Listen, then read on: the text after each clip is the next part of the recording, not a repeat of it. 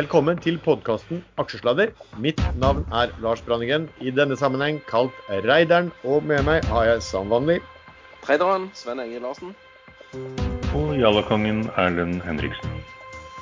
Noen må jo ta disclaimeren. Og jeg tenkte du, Erlend Henriksen, du har kontroll på den, eller hva? ja, det kan du tro. Vi er helt uansvarlige. Det er jo, Ikke hør på oss. Det er jo sant. Det er faktisk kortversjonen. Vi gir ingen råd. Dersom du hører på hva vi sier her om markedet, aksjer, enkeltaksjer og livet for øvrig, er ansvaret helt holdent ditt eget. Det kan forekomme feil i det vi sier om eh, aksjer og, og andre ting. Panelet og eventuelle gjester kan være lang, kort, direkte eller indirekte eksponert i aksjer, selskaper og produkter som omtales i programmet. Det var akkurat det jeg sa. Det var det du sa. Du tok kortversjonen av det. Det var bra. Um, jeg tenkte vi skulle starte med det vi bruker å starte med. Hva vi har gjort i uken eh, som um, har gått. Det er jo faktisk to uker siden vi har fått litt kjeft for det. Det var Forrige helg så var vi litt uh, Ja, vi hadde mye å gjøre alle sammen, og vi var litt i beit av ting å snakke om. Så da har vi jo litt, litt mer kanskje å fortelle hva vi har gjort, da. Kan begynne du da, Sven. Ja, ehm, jeg husker som regel eh, veldig dårlig hva jeg har gjort. Men jeg husker jeg hørte på presentasjoner på Pareto sin Renewable-konferanse i går. Eh, aldri hørt så mye grønt. Eh, det begynte å komme grønne ting ut ørene mine til slutt, og jeg, jeg, kjeda meg eh, ganske fort. Jeg forsto eh, veldig lite av det de snakket om. Eh, og så har jeg vært med i en emisjon. Det var tre emisjoner på én dag. Jeg var med på den som gikk dårligst, selvfølgelig. Det var denne BV Energy. Um, og så har jeg trada veldig lite. Jeg, jeg kjeda meg i begynnelsen av uken, husker jeg. Eh, for det skjedde lite. Eh, så begynte det å skje litt etter Biden ble innsatt. Men eh, alt i alt gjort veldig lite. Og Henriksen, hva har du holdt på med? Jeg har eh, prøvd å tenke litt nytt. Nytt år, nytt år. Jeg realiserte en eh, ganske stort tap i Quester Energy, QSE, på nyåret. Den skulle jo bli en nyttårsrakett i henhold til DNB. Eh, så da regner jeg med at jeg bare kan gå til DNB og få refundert det tapet. Eh, men jeg har kjøpt litt andre aksjer. Litt app-aksjer. Det kan vi jo snakke om når vi kommer dit. For min del, det er jo nesten overraskende. Jeg snakket jo med deg, Sven, i uken, og da sa du at du, var, ting var litt kjedelig. Så jeg har vel kanskje nesten gjort mer i markedet enn hva du har gjort. Um, jeg har i hvert fall vært med, ja, altså Vi kan snakke om den litt senere, men jeg har jo kjøpt, kjøpte meg inn i, kjøpte mer aksjer i Philly. Og det ble jo bra timet i forhold til en kontrakt. Uh, gjort, uh, har vel gjort litt i Goodtech. Uh, solgt meg litt ned der. Solgt meg litt ned i Eh, jeg har kjøpt noe Webstep, har jeg gjort, bl.a. blant annet. Eh, og OHT har jeg også kjøpt. Og så har jeg også vært med Det var vel du også, Sven. Vi var med i den emisjonen i Norske Skog. som ble, Den ble jævlig dårlig, så den var det bare å hive ut eh, betalt med en gang. Det, da skjønte man vel kanskje lu- lu- lunta når vi fikk full tildeling. Så. Ja, det er alltid et godt tegn. Ja, du får full tildeling. Det samme skjedde jo i BV Energy òg. Fikk full tildeling der òg. ja. Så jeg, jeg klarte å komme ut i pluss der, men allikevel. Når du får full tildeling, så uff, da vet du at det blir Hvordan er- Da må du på jobb dagen er etterpå, liksom. Hvordan har den aksjen gått etter at du da solgte? Hvilken? Den du fikk full tildeling, tildeling i og solgte? Ja, både Skogen BV og, og BV Energy har gått under emisjonskursen. Mm. Og skogen har jo gått ganske betraktelig under også. Jeg har ikke sett hva den var etter jeg solgte øl på en Man kan vel si at den har gått åt skogen. Ja, det, det, Det burde man kanskje skjønt før man tegner seg. En annen, en annen ting jeg har gjort, faktisk. Jeg har gått eh, short eh, Tesla. etter, eh, Jeg har en, hadde en liten tese det, jeg kaller det for Happy Yahoo Day. Det kan jeg snakke om litt senere. Men det ble en Jeg, tro, jeg tror ikke du var så tøff i trynet og hadde så store baller at du tørde dette her. Det er mange som har gjort dette før deg og feila. ja, Men denne her, den skal sitte, Sven. Den skal sitte. Det er faktisk sjeldent det er shorte. Veldig sjeldent. Og den her er faktisk er ganske ja, litt, litt, litt størrelse også.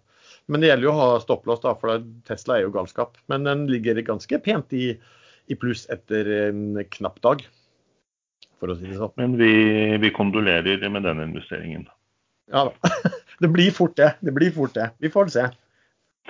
Men du Lars, du sa du økte i Philly. Eh, og like etterpå kommer det da vedtak i Kongressen om at de skal at Philly da også får produksjonen av de neste to båtene. Så nå har de fått fire av fem som skal produseres.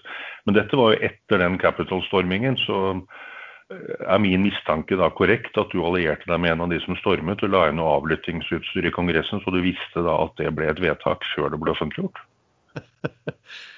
Du hadde det vært så vel. Du vet, men når vi først tar det, så kan jeg jo si hva, hva tesen var. Altså det, det, lå mye til rette for at de skulle få For Kongressen hadde banka gjennom budsjettet og bedt da Marod som bestiller skip, om å gjøre det fort. Det var jo ikke noe automatikk i at det skulle gå til, eh, til Filly. Dagen før kontrakten var meldt, så hadde jeg avtale med Filly, med han IR, altså økonomidirektøren, CFO der, om at vi skulle ha en prat, for det var en del ting jeg lurte på på selskapet. Og han eh, avlyste plutselig det telefonmøtet og sa at de tingene du har lyst til å svare på, det har de funnet ut at det er ting som ikke er allerede offentlig meldt. Og, ergo kan vi ikke prate. Så var jo det selvfølgelig en, en, en eh, indikasjon, men, men, det kunne jo skje faktisk også at Philly ikke fikk eh, tildeling fordi, av, av, disse, av, av, den ordren. Den kunne jo teoretisk sett gå til, eh, til andre også. Og så var det sånn, Vi var en del som fulgte med at sist gang altså Det er, det er Marad, myndighetene, de bestiller disse skipene. Og så har de en byggeleder som heter Tote Services. Og Tote igjen gir kontrakta til Philly. Og Sist gang så kunne man gå inn på et nettsted hvor, hvor det lå inngåtte offentlige kontrakter. Og der kom det da, når vi så det i ettertid, så, så kom det først kontrakt til Tote. Og så gikk det da noen dager senere, og så kom det kontrakt til Philly. Så det var nok en del som, og blant meg også, som hadde tenkt å eie en del mer der. Eh, fordi at vi håpa at vi kanskje kunne få se på disse eh, offentlige eh, kontraktene i USA og se at Tote hadde fått kontrakt. Da ville mye ligget til rette for at det kom veldig fort. Da. Men den, ja, det er mange som har spekulert at den kom fort, og den kom fort. Og den gikk høyt og har falt ganske mye tilbake etter det. Den, nå gikk den jo fra 60-tallet til var det 95 maks. 97 var den. 97, ja. Nå er den tilbake på 77, sånn rundt der. 75, ser jeg. Um, forrige gang gikk den jo fra 40-tallet til 110. Um, så det markedet nå kanskje innser, det er jo at det er jo fremdeles langt fram til, til man vet om de tjener penger på det. Og det er fremdeles langt fram til de faktisk får disse De får vel ikke noe særlig mer enn byggeutgiftene inn i kassa underveis nå, om, om de får så mye inn. Det er noen forskuddsbetalinger og litt sånn forskjellig, men det, er et stykke fram i Philly, så det er ingenting som er sikkert. Men jeg tror det er en stor selger der. Eh, og det, det var den som eh, på amerikansk heter 'rain on the parade', liksom. jeg tror de dumpa aksjer eh, når folk ble galne og skulle kjøpe her. Altså, de, de, har faktisk solgt før. Altså, det, det, vi, tesen er vel at dette er Apollo, som, er ganske, som er faktisk eide rett i underkant av 20 Eh, det har jo vært, Vi har jo snakket også Aksla, der om, om Arctic som var ute med en såkalt intern notat, og ville ikke kalle det en offentlig analyse. Og Mange mente at det var et litt sånn salgsnotat for at de skulle plassere den posten. Men de har i hvert fall ligget og solgt. Og, og rett før nyttår så kjøpt, kunne man jo kjøpe den her ned på, øh, på ja, rundt 55 kroner. Og var, Da var det noen som, som dumpet ut. Og, og det, vi ser jo bare hvem som har solgt at det er en utenlandsk nomini. Men det tyder jo da på at det er disse Apollo. Så jeg tror nok at kursen bærer Altså i dag så er det sånn ca. halvparten av verdiene i dag eh, ligger i eh, cash i selskapet. Og den kontrakten er sånn at her ser det ut som det er forskuddsbetaling hele veien. Eh, sånn at det er ikke noe kapitalutlegg for, eh, for i det. Um, og så må man lure på Spørsmålet her er altså det, Hvis man skal regne på det, så er det én er cash. To er hva tjener man da på den ordren som nå blir eh, de kommer til å få en femte også, så til sammen så kommer de til å være oppe i hva er det, 12 milliarder i løpet av de neste fire årene. Hva kommer de til å tjene på det? Og hva er verftet verdt etter at de har gjort disse kontraktene? Det som er veldig bra, og nå har jeg snakket litt med folk som jobber i verftsindustrien, det er jo at um, det å få én type ny båt, det kan ofte være problematisk. Men begynner du å få serier, så begynner du å få gode marginer. Uh, og derfor er det altså, det er klart at Læringen på bygge nummer én er stor mindre på nummer to. Nummer tre og nummer fire, da har du gjort alle de tingene før. Da er du blitt liksom strømlinjeformet. da. Så det får vi se på. De, de får jo også bedre betalt for de to første båtene enn for de neste, ikke sånn? Jo, For det, å det er fange opp litt av dette. ja, og det, men det har litt, også litt sånn designer også. Men det jeg så på, eh, på altså Hvis du ser på sånn Huntington Ingalls eh, i USA, som er sånn storverft der, som gjør mye for militæret, de ligger jo med driftsmargin på ca. 10 eh, Men de hadde for noen år siden så lå de nå på 12-13-14% noen år. Og det ble forklart med at de holdt på da å bygge eh, skip i en litt lengre ordre, lengre serie. Da tjente de mye bedre på det. Eh, men det er altså stor usikkerhet da på alt innen skipsbygging er jo, er jo usikkert. Men, men altså, hvis du tar bort cashen der, da, så har du et, et selskap som er et verft som er priset til 500 mill., og som har eh, eh, ja, over, over 10 milliarder i eh, ordre, eh, og som nå er også etablert som leverandør til militæret, i tillegg til kommersielt. Så det, kan jo bli litt spennende. Spennende å se hva, som, hva, hva Aker vil med det verftet. Eh, om de nå Men vil selge det. hvis man ser litt på sånn overordnet risiko, nå har jo Biden overtatt, og han har gitt klar beskjed om at muren skal ikke bygges. Um, Da vil han jo selvfølgelig få, eller eh, US Go Government vil jo få enorme erstatningssøksmål fra kontraktører som har basert seg på at det skal bygges. Men det er en politisk avgjørelse. så det men det kommer til å flyttes ganske mye penger fram og tilbake i budsjetter for å Både mer penger fordi de ikke skal bygge muren, men også andre prioriteringer. Kan man risikere at allerede tildelte kontrakter trekkes, sånn som uh, pipeline? Den uh, Nei, jeg kan, kalle altså, inngåtte avtaler nei, Jeg kan omtrent garantere at det ikke skjer på det. Fordi at eh, den der var altså Både demokratene og republikanerne sammen i faktisk ikke, i, ikke, ikke bare i Pennsylvania, men i New Jersey og sånn også. De gikk sammen. Så det var liksom ja, be, politisk konsensus om at de, den ordren burde gå til, til Philly. Så det tror jeg altså For å si sånn, jeg tror ikke akkurat demokratene kommer til å dra inn på, på, på, på pengebruken. Og, og, avtalen er, er firm og er, er, er inngått uh, i dag.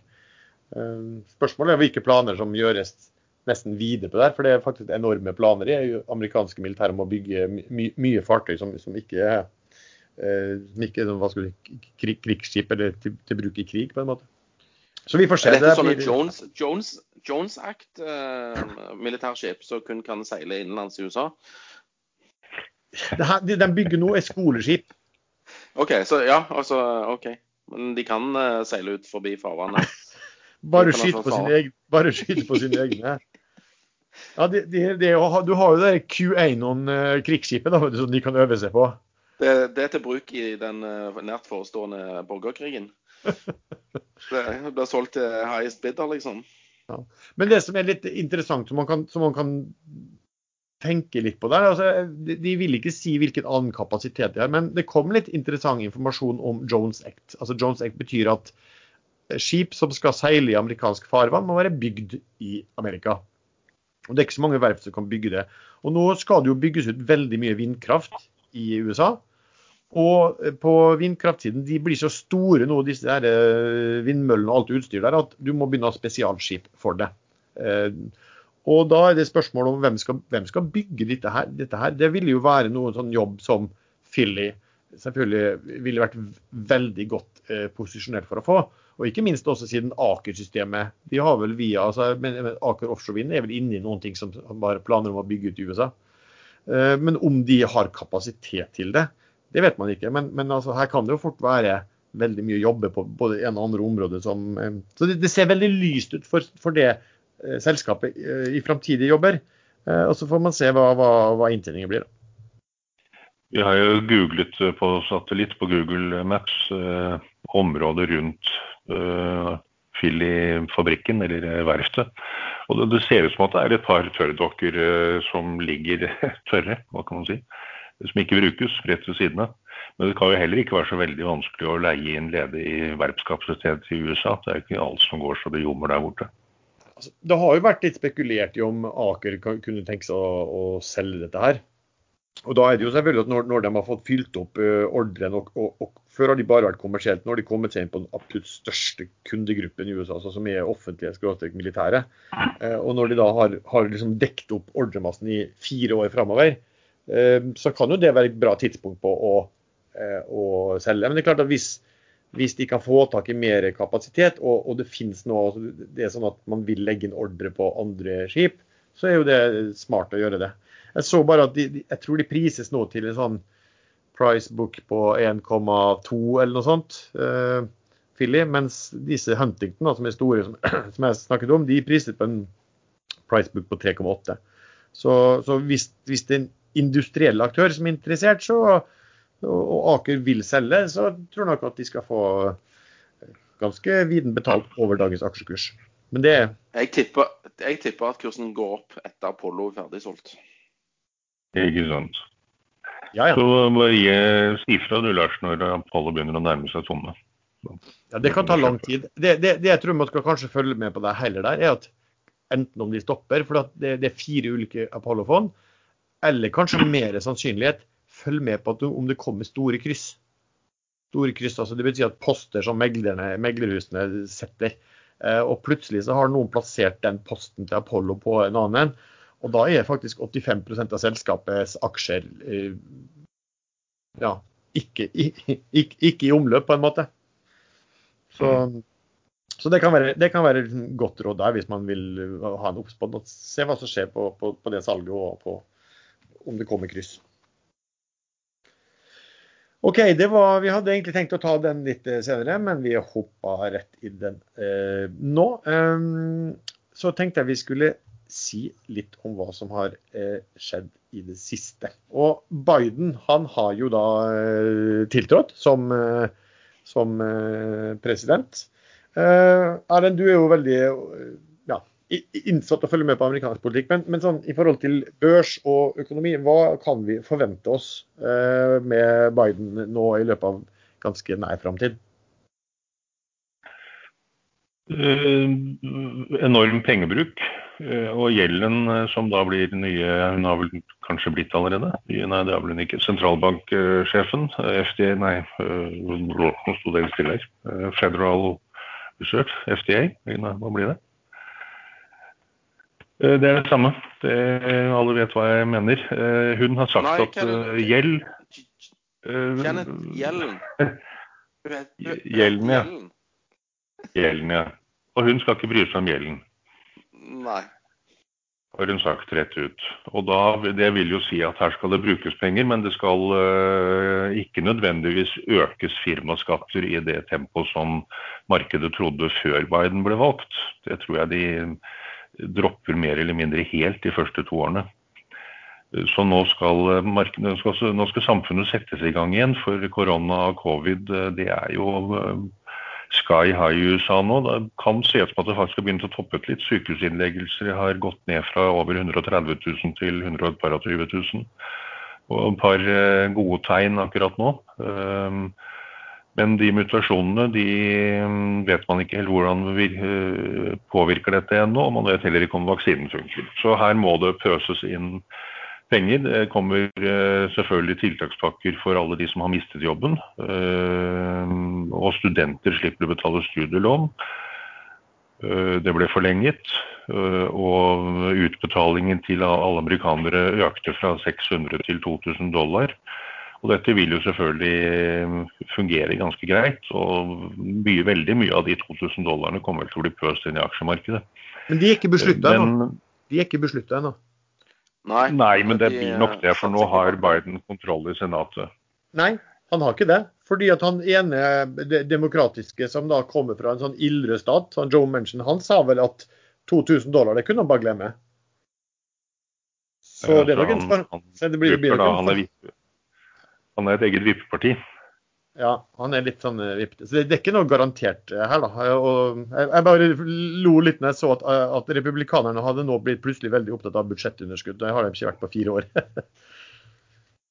Men det er, en, det er en liten sånn lure, luresak som kan komme ganske kjapt. Washington DC det er ikke regnet som en stat. De har bare en representant i Kongressen, vel, og ikke, ikke egen senator. Så på på det nye skiltet til bilen til presidenten, som, heter, som er skilt nummer 46, fordi han er den 46. presidenten, så står det å, Hva var det underteksten, da? Eh, på norsk så blir det vi, eh, vi betaler skatt, men vi er ikke med på å bestemme. Jeg husker ikke helt eh, Tax without representation, tror jeg det står under på skiltet hans. Og I sommer så vedtok demokratene i Kongressen at eh, Washington DC skulle bli en egen stat, og det vil gi dem to senatorer ekstra. Det ble selvfølgelig nedstemt av republikanerne i Senatet nå sist, men hvis det plutselig blir tatt opp igjen, så vil da, øh, vil da demokratene få to nye. Og da begynner de å få et ganske solid flertall til å kunne gjennomføre tingene sine. Men hvor fort, øh, om det vedtas, og så er det et uh, automatikk i at de nye senatorene kommer med en gang, eller om det tar litt tid, det vet jeg ikke. Men, Hamar... Men uansett, det blir, eh, det, det blir, veldig høy pengebruk, og det blir ikke noe fokus på å nedbetale gjeld eller å stoppe med å trykke penger. Så, så, jeg har ingen tro på at, uh, at børsen i USA skal ned akkurat nå, i hvert fall pga. det. Og i hvert fall ikke Tesla. men så du faktisk det, det var litt, altså jeg, jeg så den uttalelsen til hun. Det er jo morsomt hun heter, hun heter Gjellen for oss nordmenn i hvert fall. Gjellen, Gjelden. Hun, hun kom med denne, Det er jo blitt sånn sirkelargumentasjon. da. Hun sa da at nei, nå var det ikke noe vits i å bry seg med budsjettunderskudd. Det kunne man komme til senere. Og så gjorde hun oppmerksom på det at ja, altså man kunne liksom måle at det var blitt så og så høyt. Men hvis man så i eh, hvor mye av BNP eh, som staten måtte betale i eh, rentekostnader, altså finanskostnader på der, så var man ikke noe høyere nå enn hva man var i 2007. Altså, argumentasjonen litt, blir jo litt vanvittig. for Årsaken til det er jo selvfølgelig at renten nå er, nå helt, er helt mye, mye lavere. Og renten er mye lavere fordi at sentralbanken trykker penger på å kjøpe opp rentepapirer. ikke sant? Eh, så, mm. så det, blir jo, det, blir jo, det blir jo liksom helt, en helt vanvittig uh, å, å, å, bare si det på den måten. her, for du, Renten er jo ikke der den er fordi at du har et marked, du har en, en, en aktør som, ja, som, som, gjør det den gjør. Men så så jeg det DNB kom eh, i går, ut, og de sa det at OK Hva de sa da? At pengemengden var økt med altså husker ikke hvor mye mange var det 25 de skrev i løpet av ganske kort tid. Det her var liksom helt uhørt. Det var, det var noe, vi var på noen helt nye grenser. Og det, hvis, og, og det de sa, hvis, her kan det komme Det var ikke hovedteorien deres, men de, de, varslet om at her kan det faktisk skje at så mye penger ut, etterspørselen kommer opp, kapasiteten, ledig kapasitet går ned, og prisene begynner å gå opp. Og hvis de da Eh, hvis du da begynte å plutselig se inflasjonen på 3% så var jo da eh, Fed nødt til å gjøre noe. Og I det scenarioet, sa de, da har du en 30-40% fall i markedet. Um, ja, ved, ved, ved rentehevinger. Hva, hva, hva, hva, tror dere om den? Jeg tror at uh, gjelden er smartere enn oss. Ellers hadde vi hatt den jobben hun nå får. Du tror ikke at du er nødt til å si det, da, for at du Dette... ikke kan si noe annet? Jo, jo, jo. Dette, det, er, det, jo bare tull alt sammen. Men det, det, går jo bra til det ikke går bra lenger. Så, øh, men det, det, er, det er absolutt en måte å komme seg ut av en umulig situasjon på hvis man har mye gjeld og sliter og alt går galt. Det er bare å øke gjelden. det. Til altså, man plutselig får til noe som gjør at man uh, plutselig er, uh, gikk det bra for det. Men det, det, er jo ikke alltid det går. Og går det galt, så går det jo veldig galt. Ja. Og så er det jo da at gjelden nå, den, den gjelden som stor, størstedelen av gjelden og den øker til, er jo uh, egen sentralbank. Så de, de, pengene trenger du faktisk ikke å betale tilbake på, på den måten. Det er, det er ingen der som kommer til å kreve at du betaler de pengene tilbake noensinne. Fordi at det er jo din egen sentralbank du som har Eh, lånt eh, som du har, du har, eh, har gjeld til. Men altså, det her kan ta Nå er det jo det litt som sånn Black Swan, da, men sannsynligvis så tar det jo lang tid eh, før noe skjer her. In the long run, we are all dead. ikke sant? Så Det er kanskje ikke det man skal satse på. Og don't fight the Fed. Det er ikke gå imot sentralbanken, det har vært en veldig veldig lukrativ måte å tenke på i veldig, veldig Denne episoden er som vanlig sponset av IG.com. IG er en stor europeisk nettmegler som er notert i London og har kontorer i bl.a. Stockholm og flere andre europeiske storbyer. Bitcoin fortsetter å dominere i inngangen til det nye året. Hos IG kan du handle på de to, ti store kryptovalutaene, eller få en bred eksponering mot krypto 10-indeksen. Du kan handle med giring, og dermed få eksponering mot de største kryptovalutaene, uten å legge ut mye kapital. Du får ut det meste av volatiliteten på både stigende og fallende kurser. Åpne en konto hos IG og begynn å handle kryptovalutaer i dag. Lenke til dette fins i beskrivelsen til denne episoden. Se, jeg tenkte vi skulle si altså Sven, du var jo på, Det var jo en fornybarkonferanse, som kraft- og fornybarkonferanse som Pareto hadde, som visstnok var da De hadde en vanvittig større interesse nå eh, enn hva de hadde for eh, et år siden. Og du, du fulgte med på den, Sven? Uh, ja, Pareto hadde en konferanse i går, uh, og jeg fikk med meg mange presentasjoner der. Og som jeg sa litt tidligere i sendingen, så, så forsto jeg ikke alt om teknologi og karbonfangst og battericeller og, og vind og sol og holdt på å si mikroalger, men det, de var ikke med der. Så, så, men så bare tenkte jeg åh, nå orker jeg ikke mer. Jeg orker ikke å høre mer på disse greiene. Det som jeg er interessert i å vite, det er når er IPO-en, hvor mange ganger oversubscribe blir han, og hvor mye må jeg tegne for å få en normal tildeling. Det er det jeg er opptatt av. Og hvor mye penger kommer jeg til å tjene på denne IPO-en. Så, så, det er vel egentlig det det koker ned til for min del i denne grønne euforien for øyeblikket. Det er liksom å melke disse hotte IPO-ene. Eh, ikke bare innen grønt, men òg innen fiskeoppdrett i Japan f.eks., som, eh, som er en pågående emisjon. Eh, Proximar, tror de heter. Eh, de skal lage et landanlegg ved foten av Mount Fuji i eh, Japan. Rett en halvannen times biltur ut forbi Tokyo. Der er alle de rette folkene med, og der tegna jeg før de sa at nå closer han. Og så kom det en melding i dag. Han closer i dag klokka 10.30.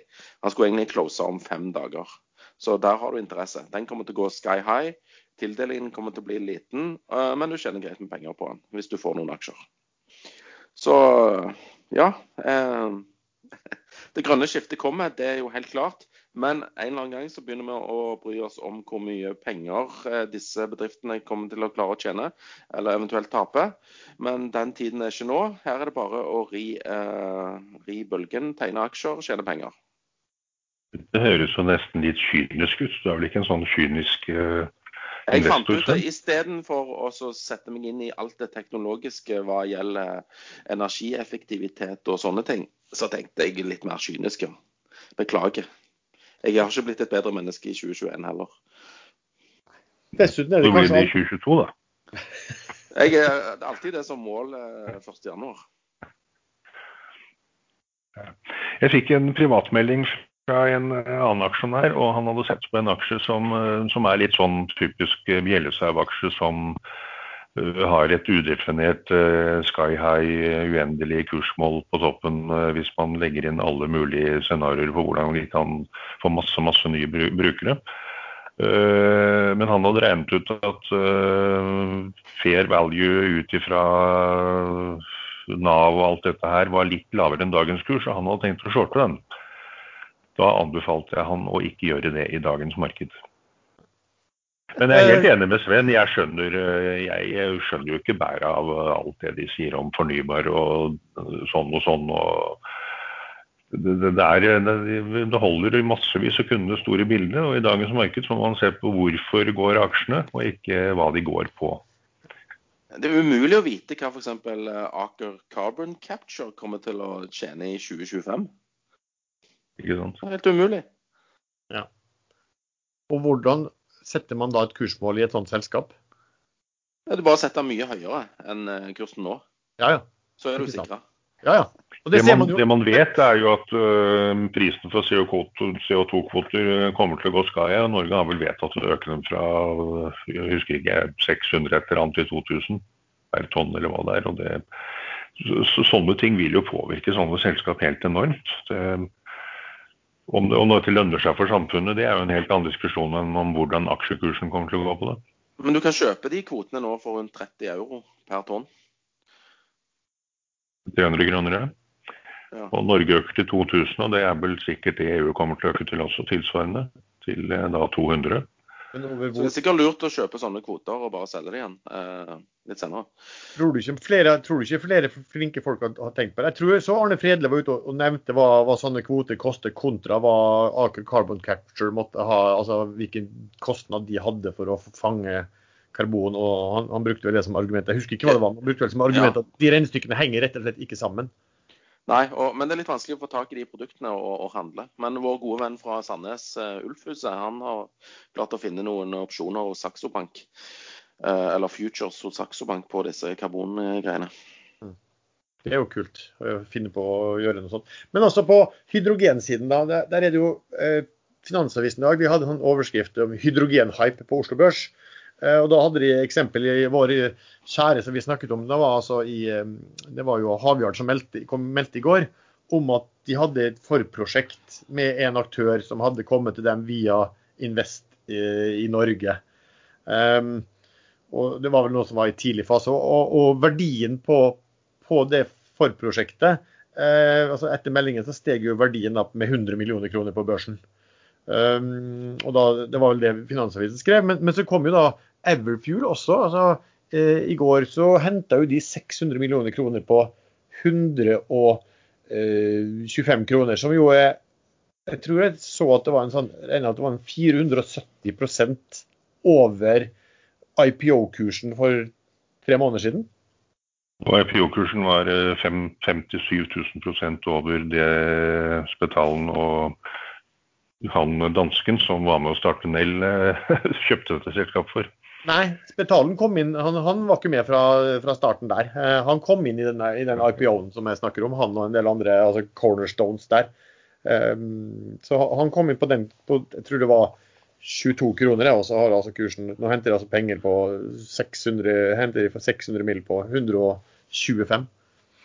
Men eh, apropos den, eh, den uh, Everfuel-aksjen der, så skjedde det noe litt rart med den midt på dagen i går. Uh, plutselig kom det en veldig aggressiv selger, solgte ned fra 140 til 130 og bare lempa på med aksjer.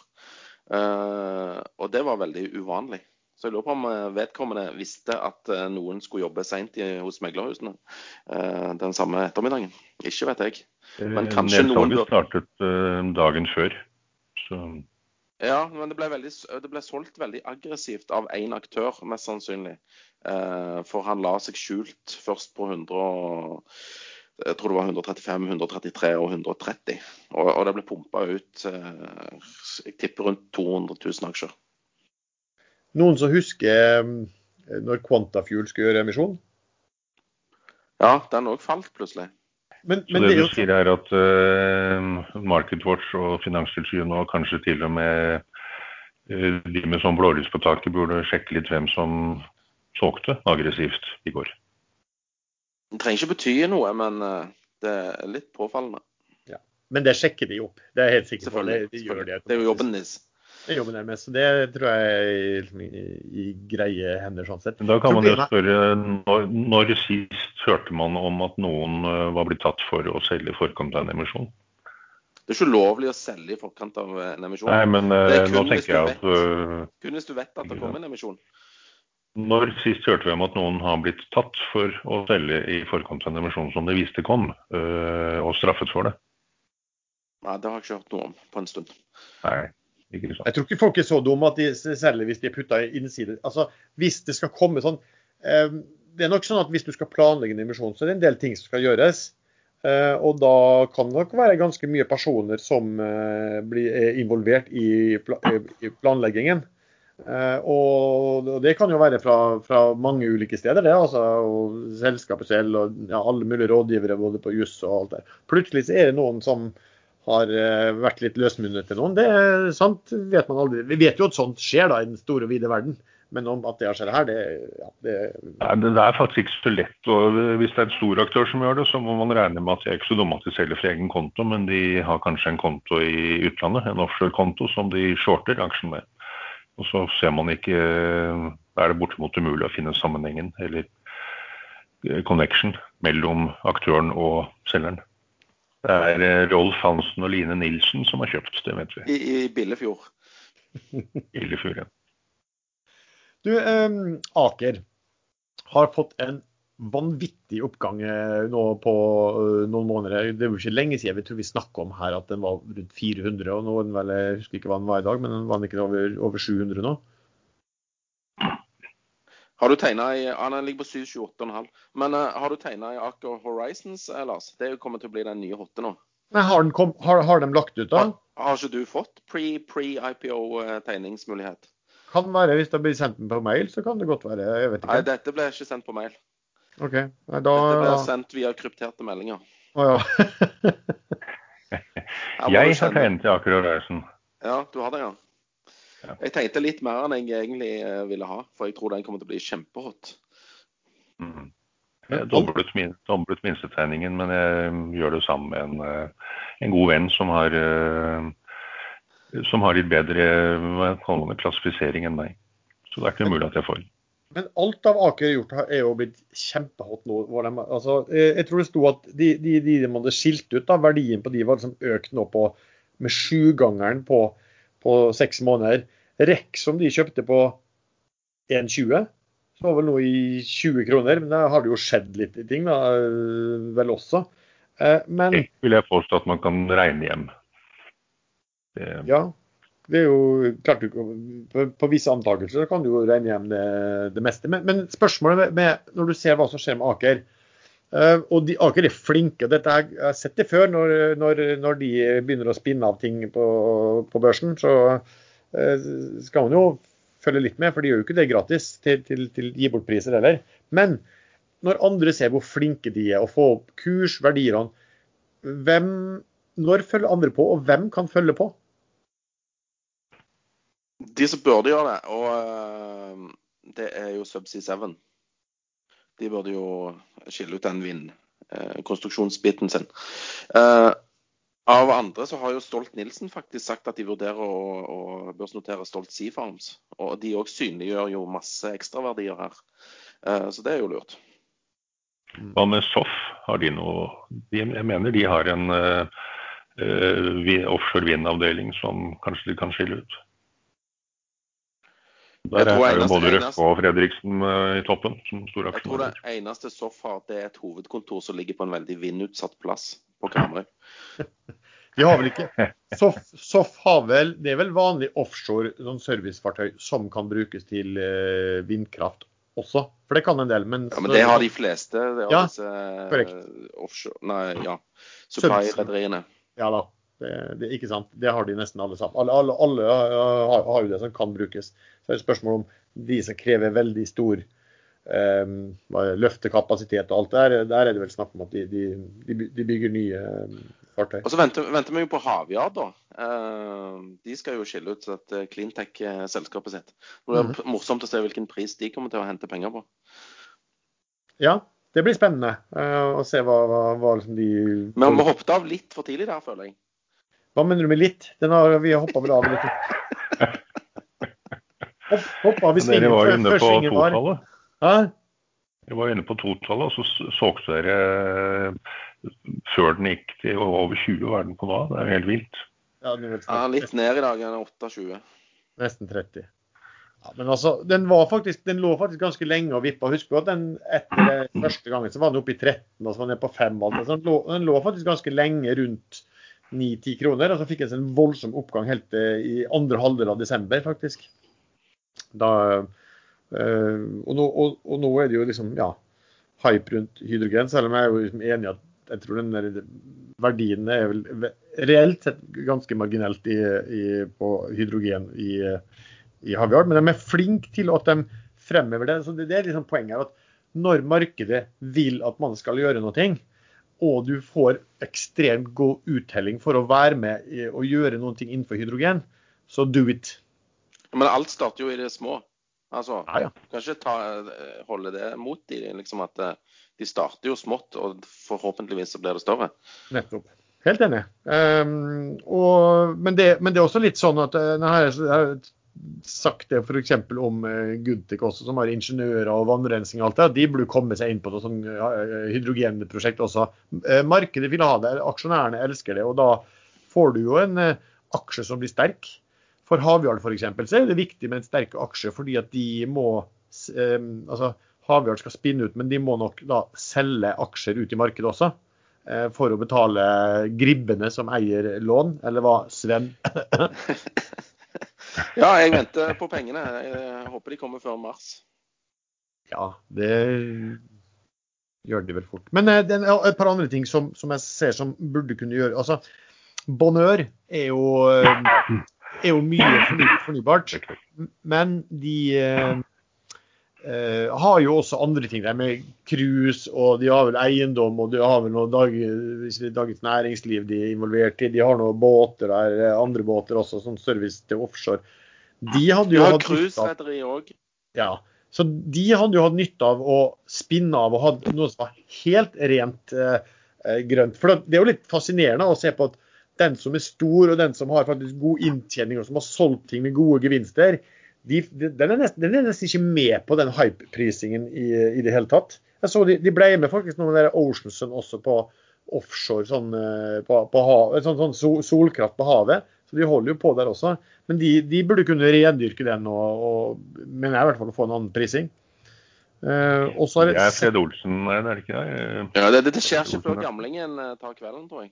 Han, er han gamlingen er jo veldig Han har jo faktisk vært veldig fremsynt. Han var veldig tidlig sånn fremspråket av, av som, eh, Han holdt på med bølgekraft og alt mulig. Han. Ja, ja, ja. ja. Sånn at de burde la det ligge i et eget selskap. Og de, de, de klarte jo å slå sammen Bonheur og Gangerolf til eh, et selskap òg, så se ikke bort fra at de klarer det her også. Så, så, Noen han, tunger sier vel at han ikke er noe glad i formuesskatt, så han ønsker ikke aksjeprisen opp. Nei, sant. Da, da er det jo litt vanskelig. Um, jeg så forresten at um, også Robert Ness i Nordea, som jo har vært gjest her, han nevnte også at Wilhelmsen hadde også et eller annet, mente han hadde holdt på ganske lenge og var langt framme på noe hydrogen og et eller annet renewables var noe. Jeg vet, jeg vet ikke hva det var. Så det er mulig at det er et eller annet der også som de kan, eh, de kan eh, spinne av. Eh, Yara har kanskje noen ting. Altså det er mange tror nesten alle selskap med litt respekt for seg selv, som ser prisingen som oppnås nå, de, de, de, de tenker nok i de retninger der. Eller de bør i hvert fall tenke det. Men god, Godlars, den har jo gått ganske kraftig nå. eh, Og den har jo du snakket om før, og mange andre snakket om før.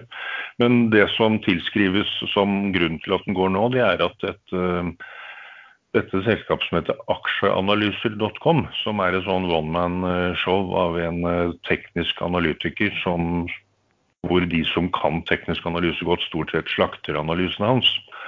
Eh, veldig lite basert på, på, på datagrunnlaget til andre som driver med dette. Men eh, han er nå ute med en analyse på Godtech og har spå- spådd en eller annen sky high-kurs på den. Og da gikk kursen rett opp.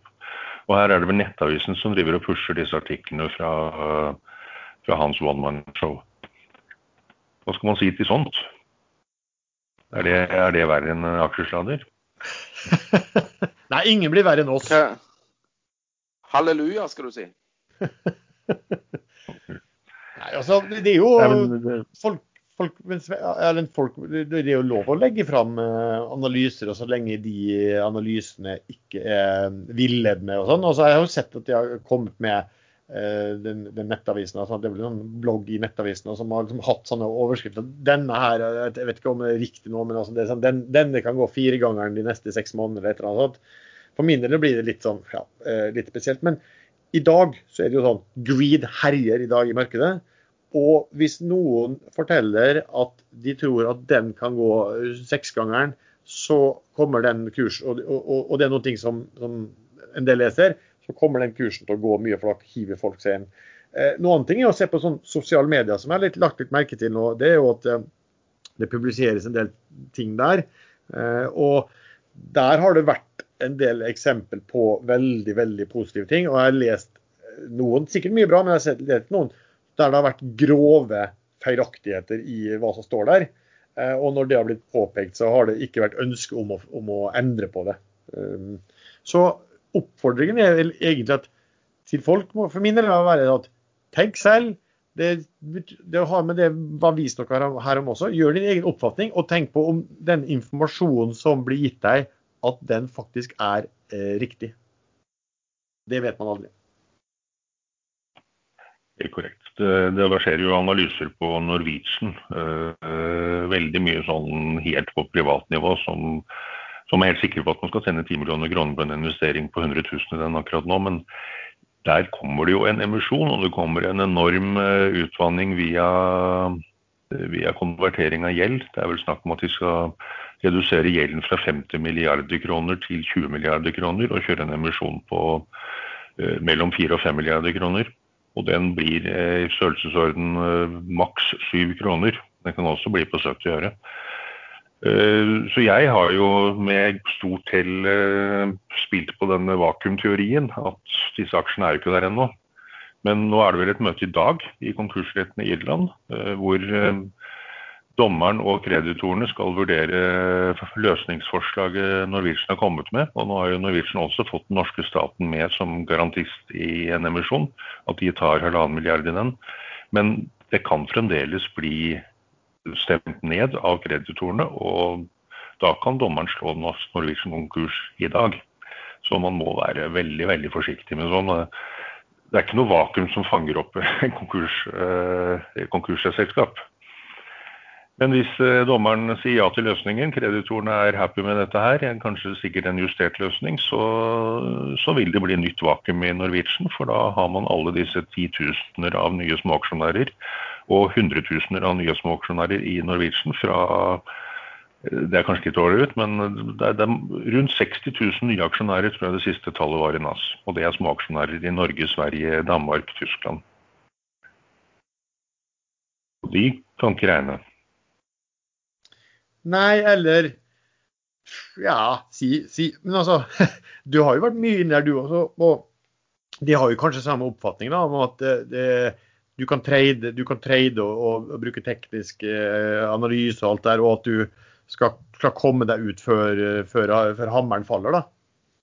Ikke sant. Det er det det går på. Så er det, det er så mye småaksjonærer og ingen store, intelligente aksjonærer i toppen lenger. Så, så, de som ser galskapen, de får ikke lånt aksjer til å shorte Norwegian heller. Så det er veldig begrenset med selgere, bortsett fra kanskje noen sånne som meg, som er veldig mye større. Som uh, ser galskapen og pumper aksjen opp og opp, og så dumper de plutselig. Og det er, uh, det, det er faktisk helt fair i en sånn aksje. Så, så lenge de gjør det på en lovlig måte. Ja, altså Informasjonen er jo ute. Du, eh, Apropos det, så så jeg i dag at eh, Siem Offshore eh, der har du et av det, mener jo at stort sett disse offshore-rederiene eh, Basert på dagens verdier så er de vel eh, flytende likkister, men, men, de er så gira at de skal jo ha en opsjonsprising. Men Siem de kom i dag og fortalte at de Vet ikke om det var inngått, eller i hvert fall ja, planen var at det skulle eh, konverteres gjeld. Jeg lurer på om aksjonærene fikk sitte igjen med 5% av selskapet. Og... 4%, faktisk. Jeg har ja. lest hele den eh, båndholderinnkallingen og eh, børsmeldingen ja. i detalj, for jeg er på jakt etter Seoff-bonds eh, som skal konverteres på 10 øre. Korrekt, ikke sant. For de skal konverteres på 10 øre, og kursen i dag er 60 øre. Og Der har vi igjen det at naturlig hadde det vært at hvis du sitter og eier Seoff til 60 øre, og du vet at eh, gjeldseierne får konvertere på 10 øre, um, så kan du vel anta hva, som, hva, de kommer til å gjøre med de aksjene straks de får tak i de, hvis kursen er der nede i dag. Så, så Logisk er jo selvfølgelig å selge seg og komme seg unna. Men eh, det er jo ikke sånn det fungerer i den type aksjer. Men uh, er det noe du har sett på, da, Erlend, som er eksperten på den, den type situasjoner? Nå må jeg bare innrømme at jeg falt av litt her, for det var plutselig noe greier som skjedde. Uh, kort oppsummering. Sima offshore. Eh, konvertering av gjeld, konvertering av gjeld, masse konvertering av gjeld på ti øre. Kurs 60 kommer aksjene? Skal det først vedtas på en generalforsamling, eller er det vedtatt? Den hadde ikke du sett på der? Uh, det, det, det, dette skal først um, vet, Altså, um, rekkefølgen er alltid som følger. Først skal uh, gjeldshaverne, obligasjonseierne, uh, vedta dette her i et obligasjonseiermøte. vedta at de går med på å konvertere. Så skal banken, som eier sikra gjeld, gjøre det samme i sine kredittkomiteer osv. Og, og så skal en ekstraordinær generalforsamling vedta dette her i siste instans. Så er det klart for trykking. Da har man, eh, da har man her. Eh, først så kan eh, obligasjonseierne slå bruke hammeren og si nei. Da kan ja, men de, i, i, dette tilfellet har de indikert at de kommer til å si ja. Ok. Kommer bankene til å si ja? Det må man nesten anta når Ifølge børsmeldingen så er det forventa. Men det er alltid en liten restrisiko. Ting kan endre seg. Det kan plutselig være én toneangivende eller én som kan bestemmes, som sier nei, og så kommer selskapet. Så det, den restrisikoen den, den, prøver jeg å unngå. I Norwegian nå det skal veldig mye til at, at långiverne sier nei, for de har ikke noe å tjene på det. Men man vet det aldri. Så den konkesituasjonen, da taper du 100 av investeringen, den vil jeg ikke være med på. Men med en gang dette er banket gjennom da i Simen, eh, Siem, så vet man at det først skal innkalles til en generalforsamling. Det er eh, fire uker eh, fra innkallingen. Og så skal det vedtas, og så skal etter hvert dette, de nye aksjene registreres i Brønnøysund. Det tar litt mer tid. Og Hvis det er snakk om eh, konvertering av veldig mye gjeld, så kan det også ta ganske lang tid før alle de aksjene kommer ut. Kanskje de kommer i, sånn som i Norwegian, i tre puljer eh, det neste halve året. Så det, det blir et enormt vakuum trading-aktivitet i Siem eh, hvis dette går gjennom. Ja vel, da vet vi at du kommer til å følge med på den. Ja. Takk for tipset. vi tar, vi tar som år... Hva sa du, Sven? Ja, bare snakk, du. Nei, så vi, vi, tar provisjoner selvfølgelig av det du gjør der, eh, Erlend. På, på, oppsiden, selvfølgelig. Nå har jeg fått et offer her. Hallo? På... Hæ? Hallo? Veldig dårlig kontakt her nå. Uff. Det var noen som nevnte provisjon. Da får jeg alltid sånn rar blokkering på øret. Ja, nei, jeg, jeg fikk akkurat fra obligasjonsmegler i Pareto her at uh, de hadde CM-obligasjoner. Så uh, spørsmålet er Altså, du kan få de til 18 her nå, uh, den ene av de to. og det vil jo bety at hvis de skal konverteres til 10 øre, så kan du kjøpe aksjen for 1,8 øre. Men, skal, men, er det 100 av, av hovedstolen av, av, lånebeløpet som skal konverteres, eller er det Ja, i, i, i COF 02 så er det det. COF 01 får du 4 millioner dollar eh, først i cash, og så resten av eh, utestående blir konvertert. Mm. Så det er 100% av lånet. Og jeg tror grunnen til det er at eh, CM sjøl eier mye, i, i, hvert fall i konverten. Mm. Ja, det er én ting til i denne vakuumteorien min som burde være forutse, eller burde ligge der, og det er at, eh, at aksjen er et sånn yndet sederobjekt. Eh, er CM det? Det blir fort det. Den kan bli det, men den er jo ikke det. Nei. For I Norwegian så, så, så står jo alle aksjonærene i kø. Ja, men vet, Husk på Kongsberg Automotivet. Plutselig så ble det en eh, tredje for Havjard var det jo ingen som handla. Det var, var, var, var, meg og Sven som uh, kjøpte. Og, og, plutselig nå så er det ja. Kongsberg har alltid vært en tredjeraksje. Wow. Ja, ja, kanskje det. Den har bare... satt sånne rønn før fra én krone til fem kroner, og Trygve Hegnar var vel inne som er i en periode. Og... Så det, det, har alltid vært en tredjerundling. Ja. Så jeg måtte bare følge med litt på Så bare plutselig det gikk en eller annen dump i filmen. Det var ikke så store beløpene likevel, så det var jo litt synd. 72,60, ja. Ja, den hoppa rett ned fra 74,60 på 72 til 72,60 på det var ikke så mye aksjer som ble måka ut på det nivået heller. Det var 2000 aksjer eller et eller annet sånt. Så det var noen som var klar for å bli ferdig med Sikkert noen som har intrafeila den, den dagen den gikk eh, til topps. Det kom faktisk en børsmelding mens vi eh, var i gang her, og den var jo litt morsomt. eh, For den innbefatter ekstrainvestor også. Og det var fra Induct, som skal presentere seg via våre flater. Det er også et selskap som er notert på Euronext Growth. Eh, Det tilbyr en digital plattform for arbeid og samhandling for enkeltpersoner på at home og organisasjoner at work.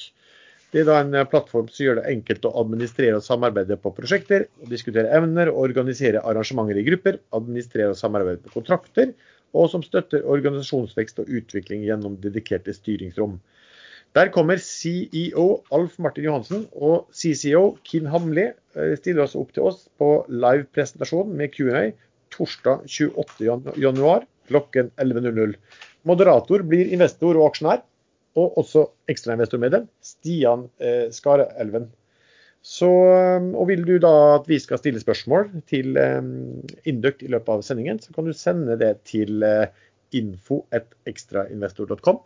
Sendingen kan du da følge på eh, Facebook-gruppen vår som heter Børsforum.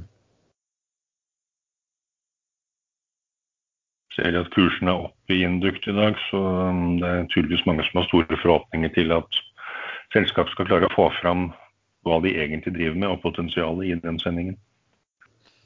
Du Erlend, eh, jeg vet jo, Det har jo vært litt skriverier om uh, tyskerne inn i norske selskap. Der Aksjonær, som er et sånt stort uh, tysk uh, magasin, jeg vet ikke om det er bare online, der har, de har fått veldig mange følgere. Var veldig tidlig ute og, og anbefalte Nell og Wasserstoff. Og nå har de også vært ute, men har også begynt å anbefale andre, mye norske aksjer, og andre norske aksjer utenom energi og fornybar også. Play Magnus faktisk den seneste. Du, men du har vel litt sånn teori i forhold til ja, hva, hva deres inntreden vil, vil bety framover? Ja, jeg. Kan bare først nevne at reaksjonær er ikke noe sånn uh, Arne Fredli var ute og kalte en blogger i Tyskland. Det er ganske skivebom. Det reaksjonær er vel størst, Tysklands største finansnettsted. har enorm innflytelse, har holdt på i mange år. og snakker ikke bare om luftaksjer, men har har analysert mange aksjer som har gått veldig bra i etterkant. Men det er klart de har mange følgere, og da så var, hva høna og egget i situasjonen her. Men det du sier der, dere aksjonær har da fått 10 000, eller i Tyskland vil jeg tro 100 000 av nye småaksjonærer inn i aksjemarkedet, og de kjøper på anbefalinger og følger sånne sånne anbefalinger veldig tett. Det samme har man i USA, hvor man har Robin Hood med hundretusener av småaksjonærer som har fått friske penger og ikke har jobb og har mye tid og bruker mye av de på aksjemarkedet. Og vi har det i Norge. Jeg mener at Norwegian sa at vi hadde fått 35 000 nye norske småaksjonærer etter mars. Og det er jo ikke bare i Norwegian de er, men i mange andre aksjer òg. Så det jeg tror, er at denne typen aksjonærer faktisk kommer til å gi en ganske god nedsidebeskyttelse i, i veldig mange aksjer, som tidligere bare var besøkt av store aktører, som dumpet ganske fort og litt i kor når, når det kom dårlige meldinger eller børsen i USA sank. Det gjør ikke denne typen aksjonærer. De kjøper kanskje i flokk, men de selger ikke like målrettet i flokk. Det er ikke en massiv dump samtidig. Så hvis man er inne i disse aksjene som, som man ikke klarer å regne hjem, ESG-aksjer, hydrogenaksjer osv., og, og har tusenvis eller titusenvis av sånne type småaksjonærer inne i samme selskap, så vil man i tillegg til at kursen går sky så vil man også mye lettere komme seg ut i sånne aksjer, hvis, hvis man selv har lyst til det. Så jeg tror uh, dette har blitt en forandring som kommer til å ta veldig lang tid før den endrer seg. Da skal veldig veldig mange av de småaksjonærene konke. Og det kan jo skje hvis det blir som med dotcom, at alt går rett i, i dass, er det vel det man sier i Norge. Så, så blir de borte etter hvert. Og så tar det 10-20 år til neste, neste gang vi kommer tilbake. Men man har mye, mer, mye lengre tid på seg til å komme seg ut på relativt gode kurser pga. denne type aksjonærer. Sånn var det. Ja, hva tror du om teorien, Sven? Jeg tror eh, at eh, Erlend Henriksen, som selv har bodd i Tyskland og kjenner det tyske lynnet, eh, har, har et godt poeng her. Når vi nærmer oss slutten av hver eneste børsdag, så vi en, bruker vi alltid å skrive på ekstrainvestor. Da kommer forslagene. Hvem, hvem kommer med 'contemplated' i dag? Altså hvem kommer til å melde at de skal gjøre emisjon på ettermiddagen eller, over, eller, eller av og til over litt lengre tid?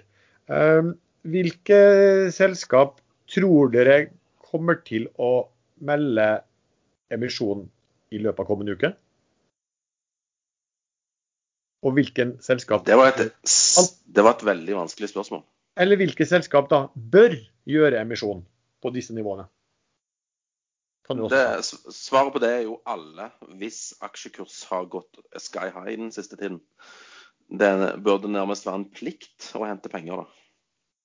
Nå er det vel en stund siden Nell har hentet, er det ikke det? De hentet vel på 19 eller noe sånt nå sist. Så Det, de skal jo bygge denne fabrikken på Herøya. Da trenger de veldig veldig mye mer penger enn de har nå.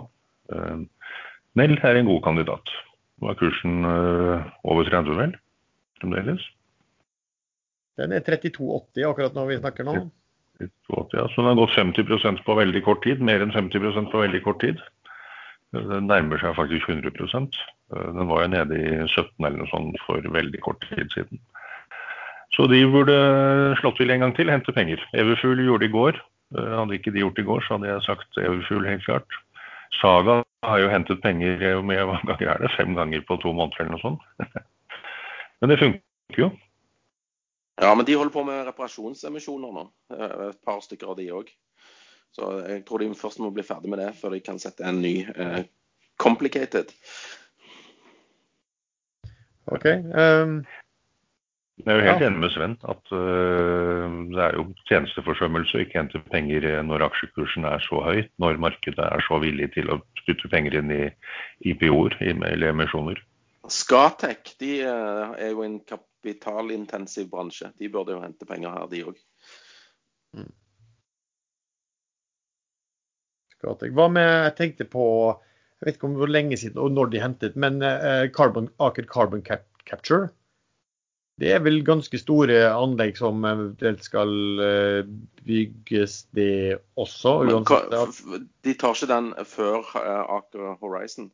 Hvis du sjekker mailboksen din nå, så har du nettopp fått Eller jeg fikk i hvert fall invitasjon til en virtuell konferanse om Aker Horizon igjen på mandag. Så jeg tipper den Horizon-IPO-en er nært forestående.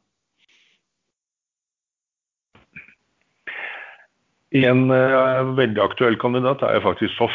De har jo kjørt konvertering av gjeld og ligger ikke så helt galt an. De har fremdeles litt for mye gjeld, men mesteparten av den er knyttet opp til eh, Nei, ikke mesteparten, det er rundt 20 milliarder i gjeld, og rundt 3 milliarder er vel knyttet opp til den eh, Maximus-båten som, som, ble sagt opp av Saipem så sent at de ikke fikk den mer konvertering enn den gjelden. Men eh, de burde absolutt hente penger nå. Men det kan jo være at vi først venter på en eventuell tildeling i Doggerbank-prosjektet, som er gigantisk. Og da kjører en emisjon på en kursoppgang der. Nå ligger den på rundt 7 kroner, og den var eh, eller litt høyt på syvtallet, og den var helt oppe i 10-12-13, tror jeg, eh, etter, etter den forrige restruktureringen. Mitt stalltips for en som kan komme, og som faktisk bør komme veldig kjapt, det er uh, Huddlestock. Den har gått fra to kroner til nesten syv kroner på den ble jo notert i uh, slutten av uh, november. Og, og, de, akkurat, de, de hadde, nylig, hadde, hadde, nylig, en sånn, sånn offentlig webkast, og så meldte de vel i var det i går eller noe, de meldte at nå hadde de startet en sånn, en sånn satsing sammen med BNP. Hvorfor sa ikke du i november at den skulle gå fra to til syv kroner? Nei, fordi at det, det, hadde jeg visst det selv, så hadde jeg jo uh, eid den også. ikke sant? Det er litt sånn det er vanskelig å si hva, hva, det, der, hva det er verdt. Men jeg tror jeg så at de henta vel nesten ingen penger når de, når de, bare sånn internt når de gikk på børs. Og, og sist gang jeg så på det, så, så hadde de jo ikke mange kroner de hadde i kassa si. Så um, hvis jeg ikke har tatt eh, helt feil. Men altså, det, det er vanskelig å vite. Men så, så, det vil jeg jo si var en Når du da trenger penger, kanskje, sånn det ser ut, og du ja, går firegangeren på, på børsen på, på, et par måneder, så må du vel klø litt etter å, etter å gjøre noe. Eh, men ellers så syns jeg kanskje Nell eh, også er sikkert smart, og skate, som, som dere sier, det er smart å få, å få gjort noe nå. Ja, alle som kan. Til og med AEGA burde jo uh, hente penger til to ganger Nav. Ja, er du gal? Ikke sant? Hvis de får det til. Ja, altså, det er, men det der er litt interessant, da. For det, det er snakket med noen, også folk som jobber liksom, i meglerhuset. det at en del aktører her kan jo ha et lite problem. For det man ofte gjør, at man, man henter penger, du melder contemplated, ikke sant? og så skal du hente inn så og så mye penger på en eh, ettermiddag. Eh, og ofte da for å få gjort dette her billigere, raskere, uh, slippe store prospekter og den biten der, så gjør du det mot aktører da som altså Minstetegning blir 100 000 euro. Sant? Drøye en million kroner. Men det er klart at hvis det er en del aktører der som Hvis det er sånn at det er veldig småsparere som har kjørt de kursene veldig høyt opp, så er jo ikke de i stand til å tegne seg for en million. Ikke sant? Så hvis de skal gå til de da som må gjøre dette her, eh, som må inn med en million, så kan det nok være at de vil eh, ha et, et prisbilde eh, som eh, er helt annerledes. Altså, eksempel av eiere som du kjenner godt, eh, Sven. Hvis de kom til deg og så eh, sa de at OK, vi må hente så og så mye penger, vil du inn med 100 000 euro? Hva ville du sagt at prisen skulle være da? Eh, jeg, ville, jeg ville ikke betalt mer enn Nav på det høyeste. Nei, så du ville betalt altså, hva er det da? Er noe over to kroner, er det ikke det vi har snakka om før? Uh, ja, sånn cirka. Ja, ikke sant. Og da er det ikke så lett å gjøre emisjon sånn når du må, når du må... Jo, det, det, hadde jo sikkert vært kjempelett. Kursen er fire, sett den på to. Ja, ja. Det hadde vært overtegna så, så søren. Det er helt riktig. Men og du poenget... får penger på Nav, altså Ja. ja. Men mitt poeng er at det er ikke alltid så lett å gjøre. Litt, litt sånn, det, det, blir ofte bråk da i aksjonærmassen hvis eh, du handles på fire og over det, og så, og så kommer det inn folk fra sidelinjen ikke sant, med 100 000 euro, og så får de aksjer på ja, to kroner. Kan jo, alle kan jo tegne. For, ja, for 100 000 kroner. Nei, for 100 000 euro. Ja da, men ikke alle som har de pengene til å investere. Det er jo, de Nei, aller fleste har jo ikke det. Da, da sier vi det var synd. Ja. ikke sant. Men det er jo litt Men uh, i en i en sånn aksje så vil jo det drepe det momentet som er i den aksjen nå. Det, det eh, de som da får tegne seg på to kroner, de vil jo da vippe ut på 2,20. Da har de fått 10% og de som vil ha 20% på 2,40. Det tar lang, lang tid før, før det kommer moment tilbake i den aksjen. Ja, men det er en liten sånn, de, de har jo en liten sånn eh, Den type aktører har jo en liten sånn liten gordisk knute, da, for å si det sånn. at uh, Hvordan skal de gjøre dette her? Det men, men jeg, jeg, har, jeg, har, en litt eh, genial idé på hvordan eh, små selskaper som har steget masse i kurs, kan eh, hente penger, eh, selv om de ikke klarer å hente penger. Fordi at de har en aksjonærmasse som er, er uhåndterbar eh, hva gjelder 100 000 euro, liksom.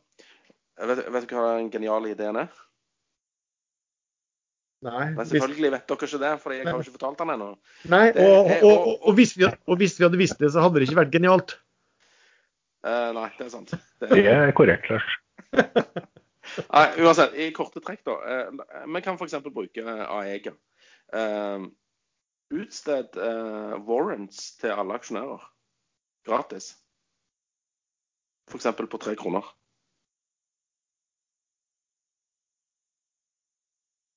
Vet du hvorfor? Fordi at da kan eh, de som vil, tegne de warrantene til tre kroner. Eh, aksjen handler fire. Eh, og aksjen vil i utgangspunktet stige fordi at de får gratis warrants på tre. La oss si at de hadde gått ut til markedet og sagt ja, eh, alle som eier aksjer i Aega, vil få én warrant per aksje de eier, til, og rett til å tegne aksjer til tre kroner. Hva ville skjedd med aksjekursen i Aega da? Da må den stikkdagen ligge litt fram i tid. Da kan du ikke si at de som eide aksjer i går Nei, nei, nei. Men uh, altså, du, du, du, sier Jo, de som er aksjonær per i dag, får uh, en warrant per eh, aksje de eier i eh, Aega. Og den kan utøves i tidsrommet fra 1.7. til 31.12.2021. Hva ville skjedd med den aksjen der, da? Da ville jeg solgt alle aksjene jeg hadde for fire kroner, og så ville jeg innløst årens på tre kroner når jeg kunne det. Riktig. Men ville ikke eh, Eller de burde kanskje satt eh, en sånn eh, ja, for De må jo ta dette via en generalforsamling, f.eks. Altså et forslag om at én aksje gir en warrant den eh, 30.3., f.eks. De som eier aksjer bare 30.3. Da vil jo aksjen stige fram mot den datoen. Ja, det kommer litt an på nesten, hva folk oppfatter. At vi, det kan jo være at de oppfattes som en svakhet. da, At, uh, at de ser gjennom at oi, her var det ikke andre, så de, vi prøver å få de aksjonærene til å, å, å gå inn egentlig, og, og, prøve å trykke oss til å gå inn på tre kroner. Uh, og at kanskje kursen begynner å nærme seg tre i stedet. Det kunne òg skjedd, men fortsatt en god, god del over Nav. Det er sant. Uh, og du vil jo få inn penger, da tilsvarende um, dagens antall aksjer hvis aksjekursen ligger over tre kroner på tre. Ja. Det er sikkert en del eh, administrasjon, men, men det, jo, det, høres jo ut som en sånn eh, en, en, en, en, metodikk. Jeg er ikke sikker på at matematikken alltid kommer til å ha, følge med på det, men det gjør den jo ofte ikke i markedet uansett. Nei, jeg fikk bare ideen etter, etter å ha sett hvordan Tinnfilm har gjort dette her. På hver sånn Var det jeg skulle til å nevne? Ja, ja. På hver retta emisjon så har de òg tildelt uh, warrants. Og på den måten så er de fullfinansiert mye lenger uh, enn de pengene som de henter i emisjonen, fordi at folk innløser de warrantene. Ja, det blir uh, utvanning, men de får inn cash. Ikke sant. Og der er jo kursen nå, nå er den på 0,54, så den er jo fem ganger høyere enn Warrensen som ble tildelt i fjor. Riktig. Og de er nå i alle, alle de elleveøresvarene som er tildelt, så det de, de, som har fått dem. Men de har, veldig mange av de har jo ikke solgt, og det gjør jo at kursen uh, Nå har ikke jeg sjekket aksjonærlisten de siste par ukene. Og Der kommer det veldig mange 25-øresvarenser. Uh, første pulje er vel allerede mulig å løse inn, og andre pulje kommer fra slutten av mars til juni. Nei, Jeg bare tenkte på det som et alternativ til, eh, til eh, rettede emisjoner, der det er vanskelig å få fylt opp til en bra kurs fordi at aksjonærmassen er holdt på å si ubrukelig til det formålet. Men du får ikke penger med det første, da, Sven? Hvis, hvis, liksom, hvis, du må ha Nei, du må jo planlegge litt, da. Det var dagens eh, finansielle ingeniørkunst, det der. Nei, det var bare et forslag til å ja, ja. løse en vanskelig situasjon. Jeg sier ikke at det er fasit. Du Sven, eh, vi hadde jo en periode vi snakket om liksom gamle optikomtider, og så snakka vi om Robert Keith. Og, og så gikk det jaggu en uke, og så dukka han plutselig opp i, i Idex og Tinn og alt det der igjen. Og, men vi, vi, snakket jo også da om altså, Hans Gude Gudesen. Og nå snakker vi jo om hype og hydrogen og ESG, og vi snakker om carbon capture. Og hvem er det som dukker opp i manesjen igjen, Sven? Jo, det er jo eh, hans, den godeste Hans Gude Gudesen.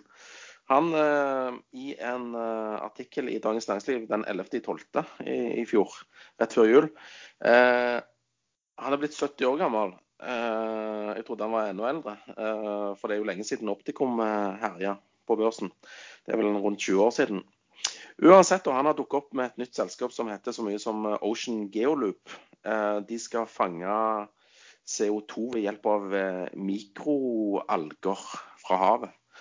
Uh, og, og, og, Jeg har ikke satt meg inn i selskapet, men de har gjort en emisjon hos Clarkson Plateau uh, til 1000 og, rett over 1000 kroner. Aksjen handles nå til litt over det dobbelte uh, i gårdmarkedet.